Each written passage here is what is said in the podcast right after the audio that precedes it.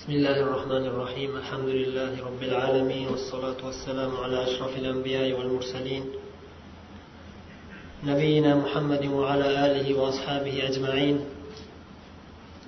ومن تبعهم بإحسان إلى يوم الدين. أما بعد السلام عليكم ورحمة الله وبركاته.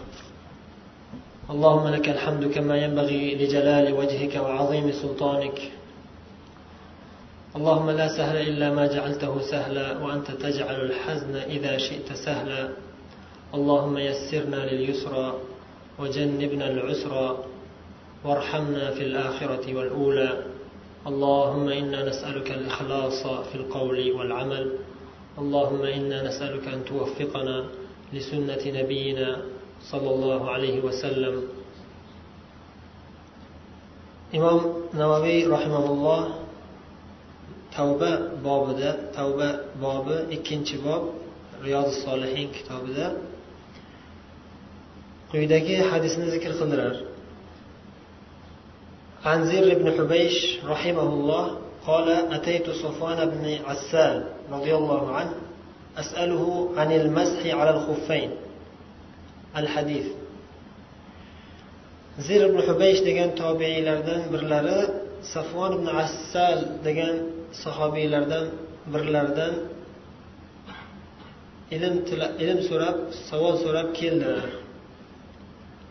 Safar ibn assal roziyallohu anhuni oldilariga mahsiga masx tortish masalasini so'rab keldim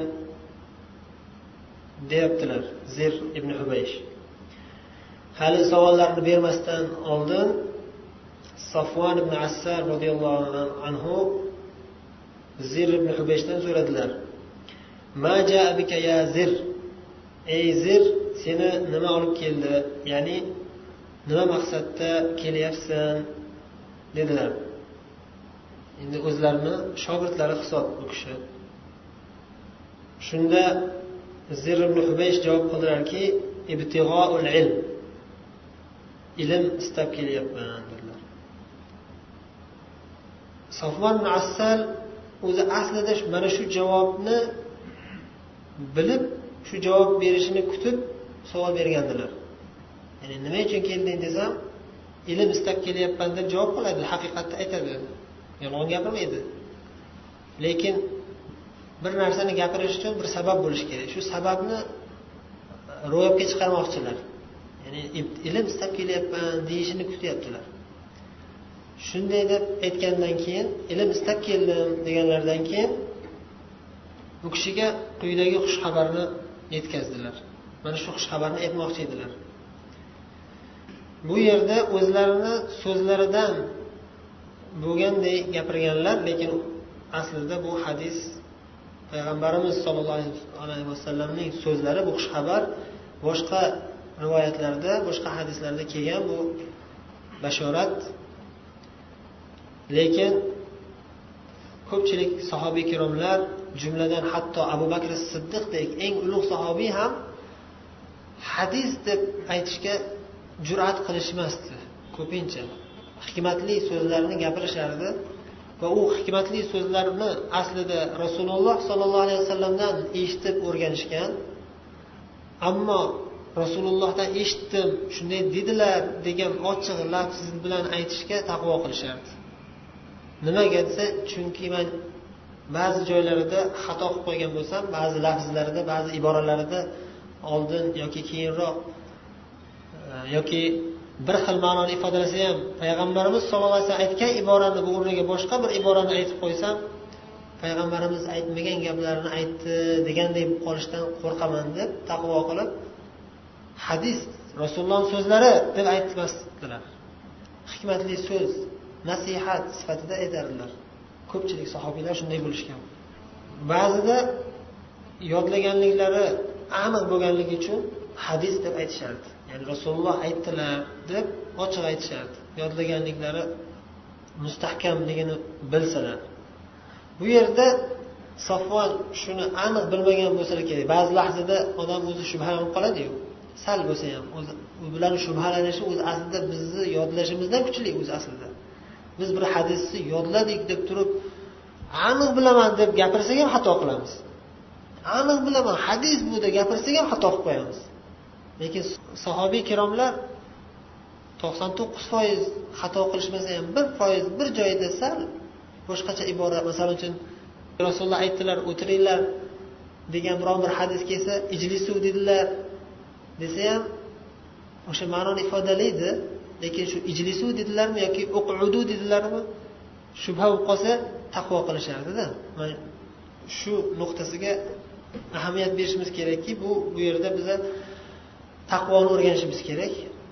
Ba'zida hikmatli so'z deb aytib hadis deb aytgan odam jur'at qilmasdan taqvo qilib turish kerak aniqroq bilish bunga qadar va mukammal mustahkam yodlashga o'rganish kerak. Mana shu quyida hozir o'qiydigan bashoratimizni boshqa rivoyatda rasululloh sollallohu alayhi vasallamni so'zlaridan deb rivoyat qilingan. Safon assol o'zlari ham rivoyat qilganlar. Bu bashorat shundayki innal malaikata ajnihataha li ilm ridan bima yatlub. Malaikalar tolibi ilm uchun qanotlarini pasaytirib turishadi. Nimaga? Bima yatlub talab qilayotgan izlayotgan narsasiga rozi bo'lib xursand bo'lib kamtarlik qilishadi. Hatto tolib ilmlarni oldida malaikalar kamtarlik qilib turishadi. Bu odam tolibi ilm. Olloh yuborgan vahiy qur'on hadis ilmini o'rganyapti. Bu buyuk inson buyuk banda degan ma'noda qanotlarini pasaytirib turishadi. Malaikalarni qanotlari bor bilasizlar. Malaikalarni darajalarini alloh taolo qanotlarini ko'pligi bilan ajratadi. Qaysidir maloika qaysidir farishta darajasi oliy bo'lsa darajasi pastroq bo'lgan farishtadan qanoti ko'proq bo'ladi. Eng ulug' maloika eng ulug' farishta masalan jabroil alayhissalom olti yuzta qanotlar bo'lgan. Demak maloikalarni qanotlari bo'ladi va ularning ulug'liklariga dalolat qiladi bu qanotlar. Kayfiyati bizga noma'lum biz ko'rmaganmiz va kayfiyati bizga xabar berilmagan. Shuning uchun g'aybiy narsalarda biz qanday kelgan bo'lsa ana shunday deb iymon keltirib keraklik e, ilmni o'rganib ketaveramiz. Va amal qilib inshaalloh. Shu bashoratni aytdilar. Malaikalar sizlarni ulug'lab turadi ey tolib ilmlar. Sizlar yaxshi yo'lda ketyapsizlar. Buni qadriga yetinglar degan ma'noda xushxabar aytib xursand qildilar. Keyin savollarni kutdilar. Ya'ni nima savol berarkan zir ibn hubaysh deb? Zir ibn hubaysh safvon roziyallohu anhudan masx masalasini so'radilar. Mahsiga masx tortish masalasini. Mening qalbimda ozgina shubha paydo bo'lib qoldi. Hojatni ushatgandan keyin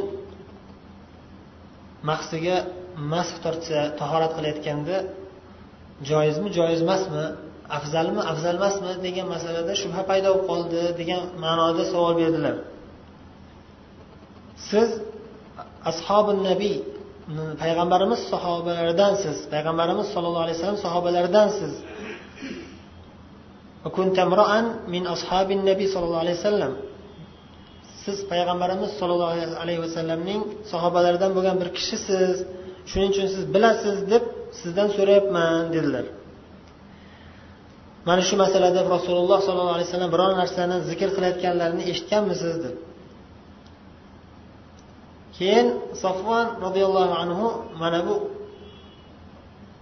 xabarni mana bu ilmni o'rgatdilar ha dedilar كان يأمرنا إذا كنا سفرا أو قال مسافرين safron degani musafirin degan ma'noda ikki xil ibora safron desa ham bo'ladi musafirin desa ham bo'ladi Rivoyatchi qaysi bir kalimani iste'mol qilganligidan shubhalanib ya'ni zir ibn hubaysh bo'lsalar kerak bu shubha qilgan odam ya'ni safr degan iborani ishlatdilarmi yo musafir degan iborani ishlatdilarmi? Shak bilan aytdilar. Safron dedilar yoki musafirin dedilar deb. Bu ham o'sha ehtiyotkorliklaridan ilmni aniq bilgan narsasini aniq aytib shubha qilib qolgan joyda shubha qilganini aytishlik bu ham omonatdan. Ikkalasi ham bir xil ma'noda o'zi aslida. Safron degani ham musafirin degani. Musofir bo'lganimizda rasululloh sollallohu alayhi vasallam bizga buyurardilarki uch kungacha uch kecha kunduzgacha uch kecha kunduzgacha mahsilarimizni yechmaslikka buyurardilar. Illa min janaba magaram junub holatdan keyin yechishlikka buyurardilar. Ya'ni buni bilasizlar mahsiga mas tortish masalasi fiqhiy darslarda o'tilgan tahorat kitobida o'tiladi. Buni tafsilotini aytib o'tirishimizni hojati yo'q. Musofir odam uch kecha kunduzgacha tahorat qilganda mahsi kiyib olgan bo'lsa yechib o'tirish shart emas. Mahsisini ustiga mas tortib qo'ysa kifoya oyog'ini yuvganday bo'ladi. Uch kundan keyin yechish kerak bo'ladi. Ammo musofir bo'lmasa bir kun bir kecha kunduz. Muddatgacha ruxsat beriladi. Junub holatidan keyin esa g'usul qilish vojib bo'ladi.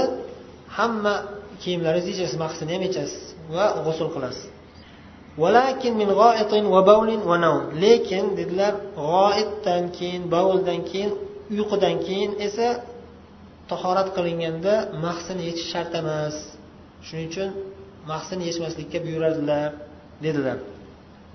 Demak tahoratni buzadigan narsalarni ba'zilarini zikr qildilar. Boshqa ba'zilari hali bu yerda aytilmadi.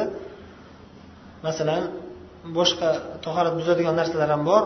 Qon chiqish masalasi ixtilof bo'lgan bo'lsa ham lekin ixtilofi yo'q masalalardan havo chiqish masalasi bu yerda zikr qilinadi. Havo chiqsa ham tahorat buziladi. Keyin boshqa yana bir masalani so'rashga o'tdilar. Uni zikr qilishdan oldin mahsiga mas tortish masalasi mutavotir hadislarda sobit bo'lganini eslatib o'tamiz. Ya'ni juda ko'p hadislarda kelgan mahsiga mas tortish masalasi. Juda ko'p hadislarda sobit bo'lgan mutavotir darajasiga yetgan ya'ni bir qancha sahobiylar rasululloh sollallohu alayhi vasallamdan mahsiga mas tortish joizligini balki sunnatligini rivoyat qilishgan. Bu masalada faqatgina adashgan toifalar va xususan rofizalar o'zlarini shiyamiz deb davo qiladigan rofizalar qarshi chiqqan xolos mahsiga mas tortilmaydi degan davo bilan. U botil mutavotir hadislarda bu sobit bo'lgan mahsiga mas tortish masalasi. Ammo paypoqqa mas tortish masalasi ixtilofli lekin paypoqqa mahs tortish haqida ham ba'zi bir sahih hadislar kelgan. Mutavotir darajasiga yetmagan bo'lsa ham ba'zi bir hadislarda paypoqqa mas tortishga ruxsat rivoyat qilingan. Faqat paypoq qalinroq bo'lishi kerak. Oyoq ko'rinib qoladigan darajada yupqa paypoq bo'lsa u hisobga o'tmaydi. Paypoq ikkita shart bilan paypoqga mas tortsa bo'ladi deyishadi ulamolar. Bittasi o'sha paypoqni kiyganda haqiqatda paypoqdan foyda bo'lishi kerak. Faqat ziynat uchun bo'lmasligi kerak foyda bo'lishi kerak. Ya'ni masalan sovuqdan saqlaydigan paypoq bo'lishi kerak.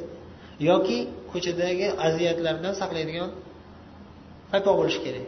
Birinchi sharti demak haqiqiy foyda bo'lishi kerak insonni sog'lig'iga ya'ni sovuqdan saqlaydi yoki aziyatlardan saqlaydi. Ikkinchi shart yirtilmagan bo'lishi kerak.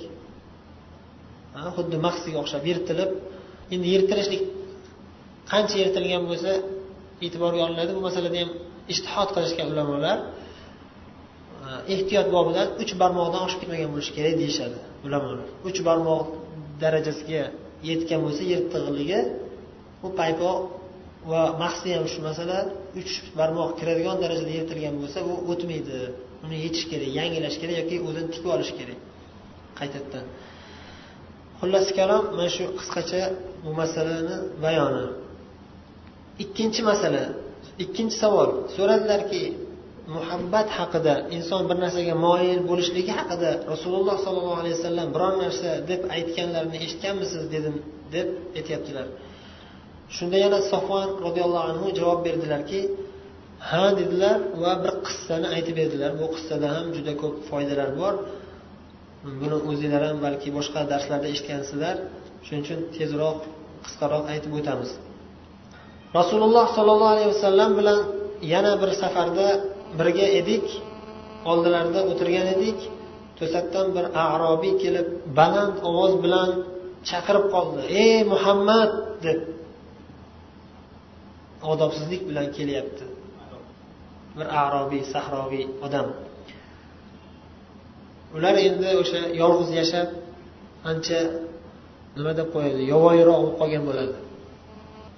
Arobiylar yolg'iz yashab ancha yovvoyiroq bo'lib qolgan bo'ladi. Tuya boqib qo'polroq bo'lib qolgan bo'ladi. O'shaning uchun o'sha yolg'iz yashashlikdan qaytariladi. Musulmonlar jamoatiga qo'shilishga buyurilgan. Jamoatni lozim tutishlik haqida juda ko'p hatto oyatlar va hadislar bor. Yolg'iz yashashlikdan qaytariladi. Ammo hamma ham itoat qilavermaydi. Arobiylar shunaqa o'rganib qolgan itoat qilmasdan yashayverardi har holda musulmonligini hurmati bo'ladi. Yolg'iz yashab yurgan bo'lsa ham san bizga qo'shilmading deb turib uni haydab yuborolmaydi. Imkon qadar yaxshi muomala bilan sekin sekin tortiladi. Musulmonlarni jamoatiga tortib odob axloq ilm o'rgatiladi. Odob ahamiyati juda baland. Ulamolar islomni yetmish foizi odob deyishgan. Ulamolar jumladan ibn muborak rahimaulloh aytganlarki islom dinini uchdan ikki foizi odob deganlar. Uchdan ikki foizi degani qancha? Ya'ni uchdan ikkisi degani ya'ni yetmish foizdan ko'p degan yetmish foizga yaqin odob deganlar. Yana ulamolar aytishadiki ustozlarimizni oldilariga borib biz ularni ilmidan ko'ra odoblaridan ko'p ta'sirlanardik deyishardi. Ustozlarni ulamolarni odoblaridan ko'p ta'sirlanardik deyishardi. Imom molik rahimaullohni onalari onalari ustozlarni oldilariga rabiat ibn abi abdurahmon rahimaullohni ustozlari imom molik ustozlariga yuborayotganlarida aytardilarki chiroyli kiyintirib sallalarni kiyintirib imom molikka vasiyat qilib kitob ushlatib jo'natayotganlarida masjidga ilm olishga borib rabiani ilm majlisida o'tirgin min adabihi qobila ilmi. Rabiani ilmidan oldin odobidan o'rgangin deb onalari vasiyat qiladilar. Shu vasiyatlarga amal qilganliklari oqibatida imom molik bo'lib yetishib chiqdilar. To'rtta mazhabni ikkinchi ikkinchisi imom molik mazhablari ya'ni zamon jihatidan. To'rtta mazhab barcha ahli sunna va jamoa ulamolari tarafidan e'tirof etilgan mazhablar. Ahli sunna va jamoa mazhablari fiqhiy mazhablar. Eng ulug' ustozlar. Ana shulardan hammalari deyarli odob masalasida juda qattiq bo'lishgan. Imom molikni majlisida o'tirgan shogirdlar aytishardiki imom molikni majlislarida o'tirganimizda kitobni varaqlashda mana hozir kitobni varaqlagan ovoz eshitiladiyu. Shu ovozi eshitilib qolmasin ustozga sezib qolmasinlar deb turib odob bilan sekin ochardik deyishadi. Odob shu darajada ulug' baland darajaga yetishgan odob hatto yana ba'zi bir rivoyatlarda keladi qimirlamasdan o'tirganimizda odob bilan qimirlamasdan o'tirishimiz tufayli qushlar uchib boshimizga kelib qo'nardi bu odam emas ekan bu bu bir daraxtni qolgan narsasi ekan shekilli deb o'ylab boshlariga qo'nib turardi. Biz qimirlamasdan o'tirganimizni ko'rib qushlar. Va ba'zi bir salaflar ham namoz o'qiganda shu darajada tik turishardi qushlar kelib boshlariga qo'nardi jumlada ibn zubayr rahimaulloh roziyallohu anhu bilasizlar mashhur sahobiylardan makka ahlidan ya'ni makkada amir bo'lganlar kabatullohni oldida namoz o'qirdilar. Nafl namozlar ham farz namozlar ham o'sha yerda ya'ni ko'proq nafl namozni ko'rishadi hamma farz namozda hamma o'z namozda bo'ladi lekin boshqa nafl nafl namozlarda kuzatishardi ibn zubayrni. Qarashsa namoz o'qiyotgan bo'ladilar doim. Hatto ko'p tik turganlaridan va qimirlamay turganlaridan qushlar boshlariga kelib qo'nardi. Kabutarlar kelib boshlariga qo'nib turardi. Qimirlamay turganlarini ko'rib daraxt bo'lsa kerak bu narsa bo'lsa kerak ustun bo'lsa kerak deb o'ylab. Demak odob ahamiyati juda baland. Va odob haqida juda ko'p kitoblar yozilgan maslahat beramiz. O'sha kitoblardan foydalanish kerak. Jumladan badriddin ibn jamoa rahimaulloh degan mashhur kitoblar bor. Eshituvchi va gapiruvchi odamga eslatma. Fi adabil alim val mutaallim olim odamning va ta'lim oluvchi odamning odobi haqida degan kitob. Bu kitobda olloh bilan bo'ladigan odoblarni bayon qilganlar rasululloh sollallohu alayhi vasallam bilan bo'ladigan odoblarni bayon qilganlar ustoz bilan bo'ladigan odoblarni bayon qilganlar ikkita talaba ya'ni talabalar bir biri bilan bo'lgan odobi haqida qanday odoblar bilan odoblanish kerak uni bayon qilganlar sheriklari bilan talabalar va yana omma musulmonlar bilan bo'ladigan odoblar qanday shularni hammasini yozib chiqqanlar va boshqa kitoblar ham bor فأجابه رسول الله صلى الله عليه وسلم نحوا من صوته yaqinroq kelaveringlar ko'rpachaga o'tiraveringlar rasululloh sollallohu alayhi vasallam keyin bu arobiyning baland ovozi bilan chaqirgan nidosiga javob berdilar va baland ovoz bilan javob berdilar. O'zining ovoziga yarasha javob berdilar. Ha um deb ha deb ya'ni nima deysan? Marhamat gapir degan ma'noda. Shu arobiy ya muhammad deb chaqirganligida baland ovoz bilan birinchidan ikkinchidan ya muhammad ey muhammad deb chaqiryapti. Ikkita odobsizlik bo'lyapti bu yerda. Birinchisi payg'ambarimiz sollallohu alayhi vasallam oldilarida baland ovozini ko'tarish baland ovoz bilan baqirishlik gapirishlik baland ovoz bilan bu qur'onda hujrot surasida qaytarilgan. Ikkinchi odobsizligi otlarini aytib ey muhammad! deb chaqirishlik. Bu ham odobsizlik bu ham qur'onda e, nur surasini oxirida adashmasam kelgan qaytarilgan. La tajalu du'a ar-rasuli ka du'a ba'dikum li ba'd. Bir biringlarni chaqirgandek chaqirmanglar rasulullohni. Ey palonchi degandek qilib.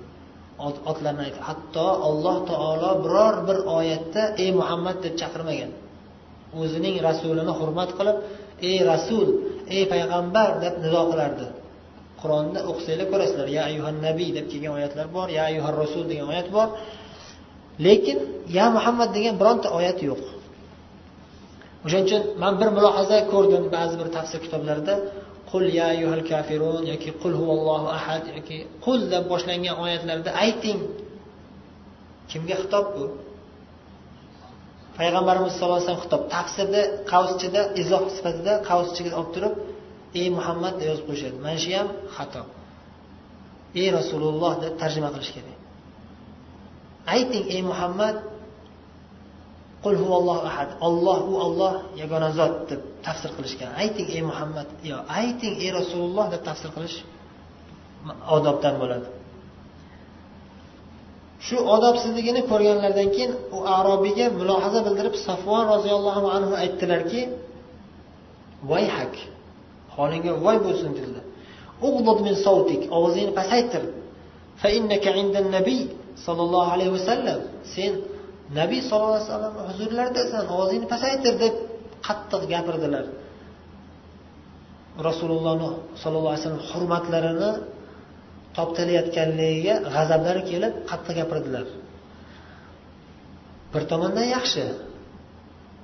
Rasulullohni hurmatlari uchun g'azab qilishimiz kerak. Rasulullohni taraflarini olishimiz kerak lekin o'rnida bo'lishi kerak. Agar mana shunga o'xshagan yangi islom kirgan odam bo'lsa yoki hali islom kirmagan islomga moyilroq bo'lib turgan odam bo'lsa qattiq qo'llik bilan nasihat qilinsa boray deb ketadi. Mana arobiy ham vallohi la ag'bub dedi. Qasam allohgaki ovozimni pasaytirmayman baland ovoz bilan gapiraveraman dedi. Chunki bu arobiy hali o'rganmagan o'rgatilishi kerak. Asta sekin bo'ladi. Birdaniga bitta nasihat bilan hop deb ketavermaydi bular.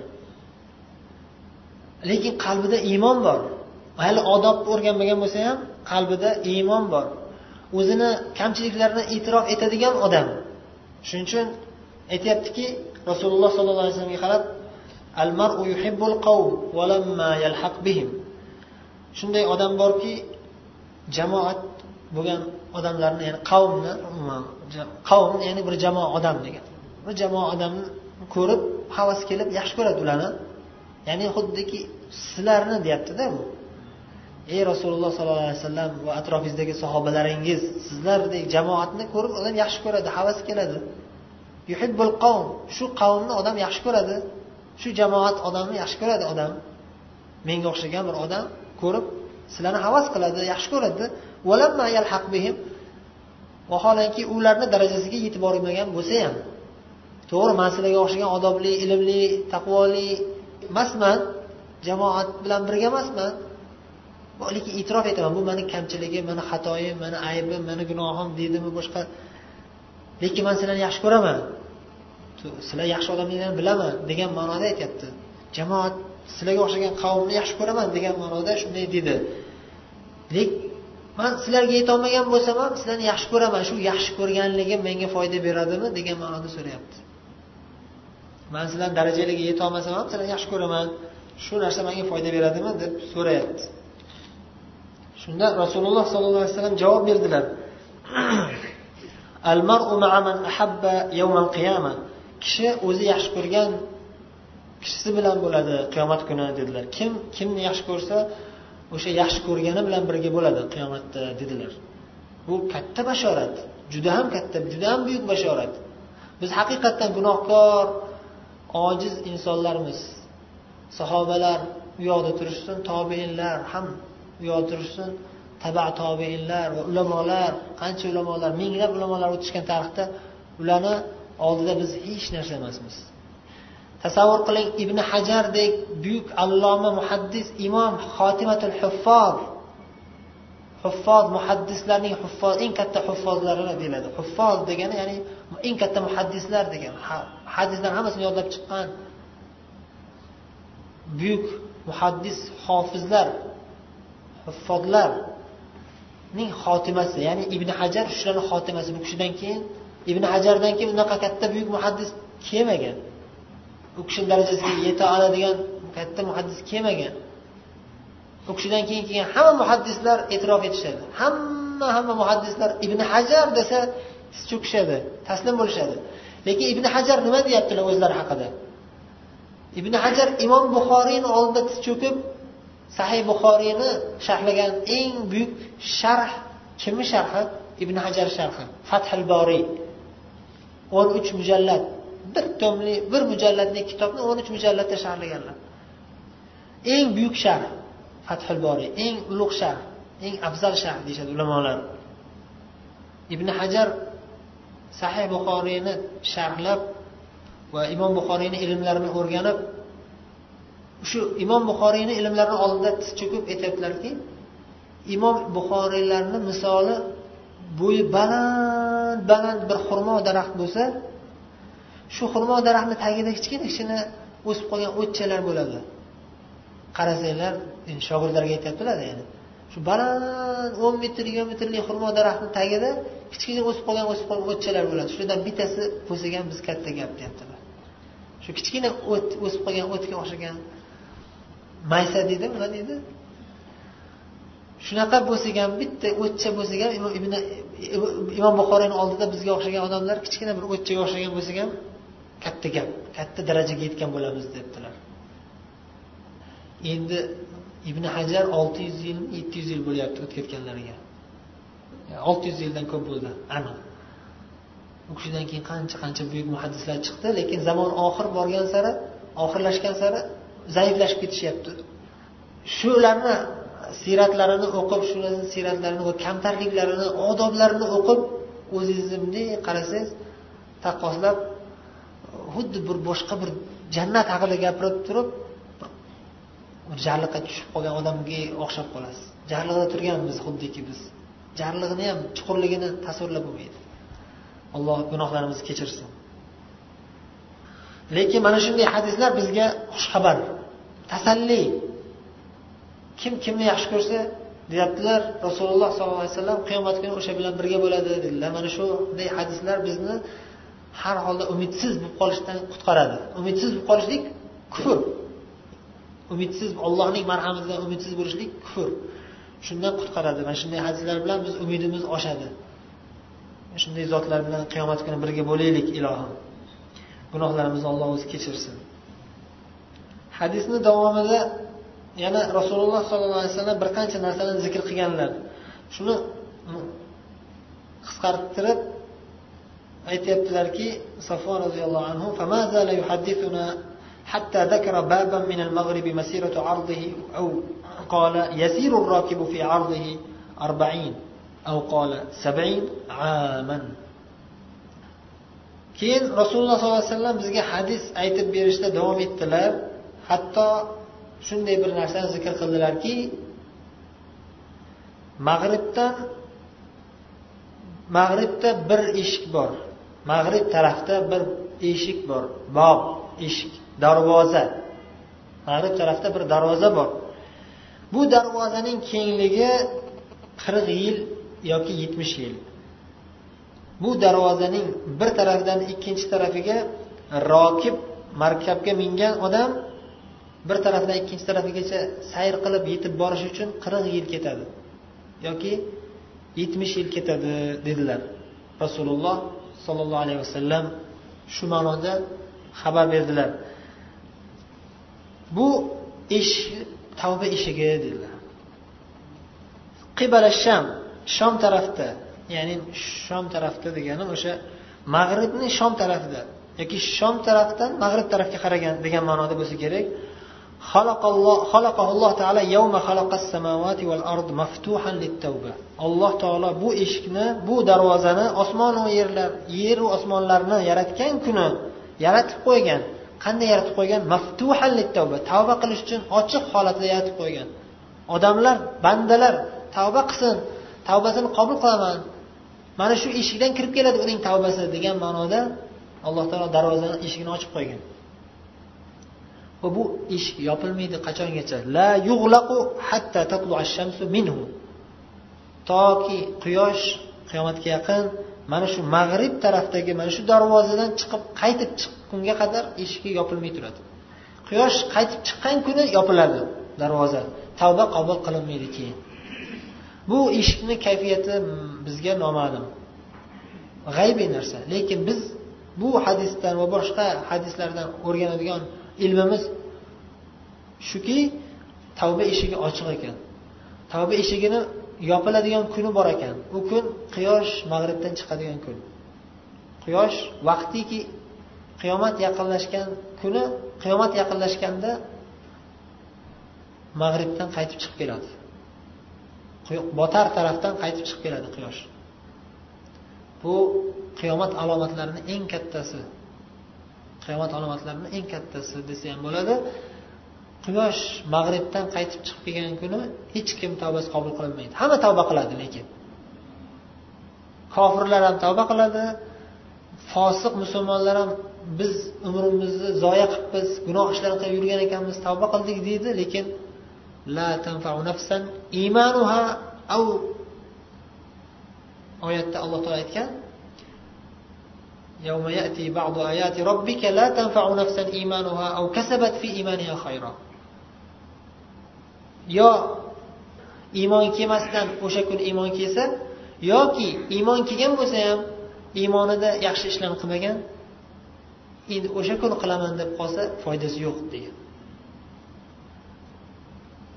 رواه الترمذي وغيره وقال حديث حسن صحيح صحيح حديث bu ham demak mana shu qiyomat yaqin qolganda quyosh botar tarafidan mag'rib tarafdan qaytib chiqib keladi. O'sha kunda tavba qabul qilinmaydi. Undan oldin tavba qilib qolish kerak u qachon keladi? desa bilmaymiz. Yaqinda bo'lib qolishi ham mumkin. Hech kim bilmaydi. Buni alloh taolo maxfiy qilib bekitib qo'ygan.